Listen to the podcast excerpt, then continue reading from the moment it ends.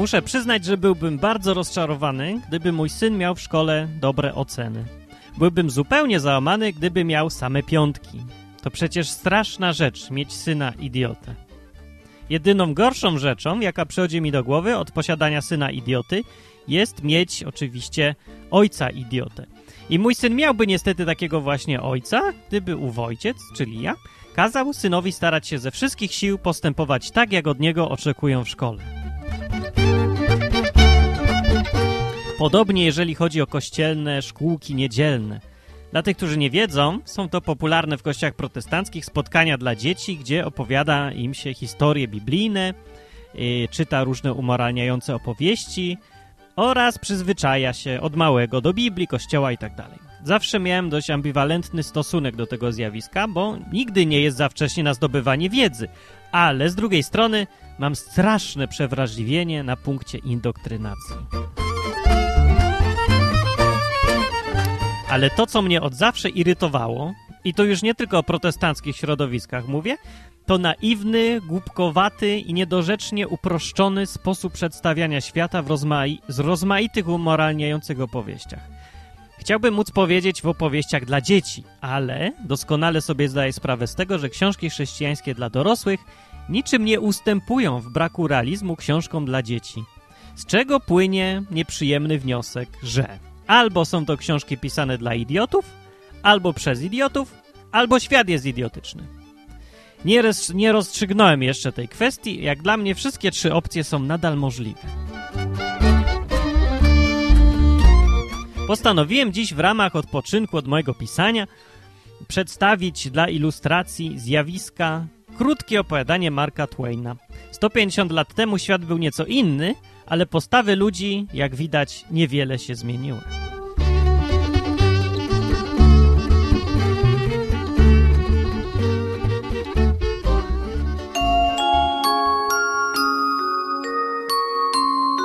Mark Twain, dzieje niegrzecznego chłopczyka. Był sobie na świecie niedobry chłopiec, którego nazywano Jim. Mimo iż, jeśli Państwo zechcecie wejrzeć w te sprawy, przekonacie się, że źli chłopcy w książkach przeznaczonych dla szkółek niedzielnych prawie zawsze noszą imię James. Dziwne, że ten właśnie nazwał się Jim, ale nie ma na to rady. Jim nie miał chorej matki, pobożnej matki, która była chora na suchoty i chętnie zeszłaby do grobu, by odpocząć wreszcie, gdyby nie kochała tak bardzo swego syna i nie lękała się, że ludzie będą dlań zbyt surowi i zimni, skoro jej zabraknie.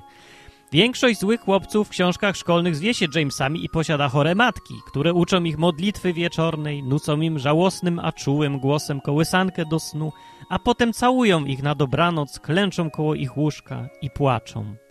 Z tym jednak chłopcem sprawa miała się zupełnie inaczej. Nazywał się Jim a matka jego była jak najzdrowsza, nie miała ani suchot, ani w ogóle niczego w tym rodzaju. Była zdrowa jak ryba, nie odznaczała się pobożnością, a przy tym wcale nie niepokoiła się o Jima. Zwykła ona mawiać, że jeżeli nawet Jim skręci kark, to będzie to mała strata. Usypiała go zawsze klapsami i nigdy nie całowała na pożegnanie. Przeciwnie, wychodząc z domu, targała go za uszy.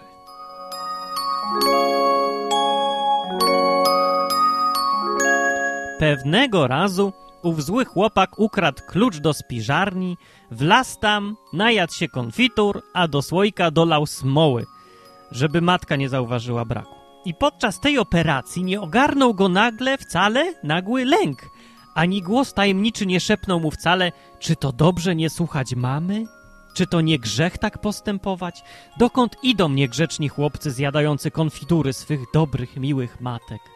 Zły Jim nie ukląkł bynajmniej i nie przyrzekł solennie, że nigdy więcej nie będzie niegrzeczny i nie wstał z lekkim sercem i nie poszedł powiedzieć tego więcej, powiedzieć tego swojej mamusi, prosząc ją o przebaczenie, a ona nie pobłogosławiła go ze łzami dumy i wdzięczności w oczach. Nie. Tak dzieje się ze wszystkimi niegrzecznymi chłopcami w książkach szkolnych, lecz chociaż jest to bardzo dziwne, z Jimem wszystko działo się inaczej. Jim pożar konfitury, rzekł klawo, według swojej wulgarnej maniery, po czym zalał słoik smołą i znowu rzekł klawo. Wreszcie zaśmiał się, dodając, że stara wścieknie się chyba, gdy to zobaczy. Gdy zaś ujrzała, Jim począł zaklinać się, że o niczym nie wie, po czym matka zbiła go rózgą i płakał on, nie zaś ona. Wszystko w tym chłopcu było niezwykłe. Wszystko działo się z nim inaczej niż dzieje się z niegrzecznymi Jamesami w książkach szkolnych.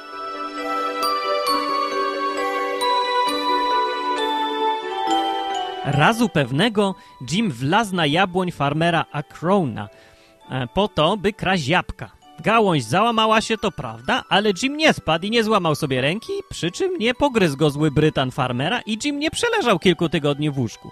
Nie wpadł w skruchę i nie stał się grzecznym chłopczykiem. O nie! Nakradł jabłek ile wlazło, po czym najspokojniej w świecie zlazł z drzewa. Z psem, który nadbiegł, aby go rozszarpać, dał sobie doskonale radę, cisnąwszy weń z całej siły cegłą. Jest to rzeczywiście dziwne, gdyż nic podobnego nigdy nie zdarzyło się w tych miłych książeczkach w kolorowych okładkach, przedstawiających mężczyzn w przeciwnych frakowych marynarkach, grzybiastych kapeluszach i przy krótkich spodniach, kobiety zaś w sukniach, jakich nie spotyka się w życiu. Nie, nic podobnego nie trafia się w żadnej książce przeznaczonej dla naszych szkółek niedzielnych. Innym razem Jim skradł scyzoryk swemu nauczycielowi, a lękając się, że zostanie zdemaskowany i obity, wsunął scyzoryk w czapkę George'a Wilsona, syna biednej wdowy pani Wilson, chłopca moralnego, najbardziej przykładnego chłopca we wsi, który zawsze słuchał matki i nigdy nie mówił nieprawdy, kochał swe lekcje i ubóstwiał szkółkę niedzielną. I kiedy scyzoryk wypadł mu z czapki i biedny George zwiesił głowę i poczerwieniał jak gdyby w poczuciu winy – a zasmucony nauczyciel musiał zarzucić mu kradzież i już już zamierzał opuścić rózgę na jego drżące plecy. Siwowłosy, nieprawdopodobny sędzia z sądu pokoju nie ukazał się nagle między nimi, nie wyciągnął uroczyście ręki, nie oświadczył Wara od tego szlachetnego chłopca! Tam oto stoi przestępca! Przechodziłem właśnie podczas pauzy koło szkoły i, niezauważony przez nikogo, widziałem, jak dokonane zostało przestępstwo!' I potem wszystkim Jima nie obito rózgami, a czcigodny sędzia z pełnymi łez oczyma nie wygłosił kazania i nie wziął George'a Wilsona za rękę i nie oświadczył, że taki chłopiec godzien jest lepszego losu i nie kazał mu przyjść później do siebie, by mieszkał z nim pod jednym dachem, zamiatał mu biuro, palił w piecu, biegał na posyłki, rąbał drzewo, studiował prawo, był pomocnym żonie sędziego w gospodarstwie, zaś całego pozostałego czasu korzystał dla swej zabawy, a za to wszystko otrzymał po 40 centów na miesiąc i rozkoszował się z czym swym szczęściem. Nie. Nie. Tak byłoby się działo w książkach, ale tak nie stało się z George'em.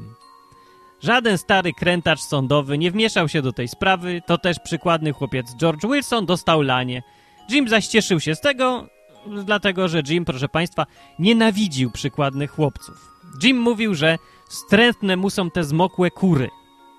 Oto jak się wyrażał ten zły, niegrzeczny chłopiec.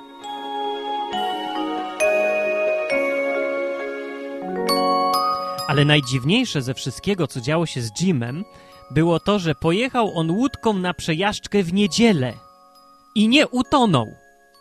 Innym zaś razem spotkała go burza, gdy łapał ryby w niedzielę i bynajmniej nie zginął od pioruna. Możecie Państwo przeglądać wszystkie książki szkółek niedzielnych od dnia dzisiejszego aż po najbliższe święta Bożego Narodzenia i nie spotkacie nigdzie podobnych fenomenów. Przeciwnie, przeczytacie tam, że wszyscy niegrzeczni chłopcy, którzy jeździli w niedzielę łódką, musieli niechybnie utonąć. I ze wszystkich niegrzecznych chłopców, i że wszystkich niegrzecznych chłopców, których spotka burza podczas łowienia ryb w niedzielę, musiał koniecznie zabić piorun. Łódki z niegrzecznymi chłopcami zawsze wywracają się i zawsze bywa burza, gdy niegrzeczni chłopcy łapią ryby w niedzielę. W jaki więc sposób ocalał Jim? Pozostaje naprawdę tajemnicą.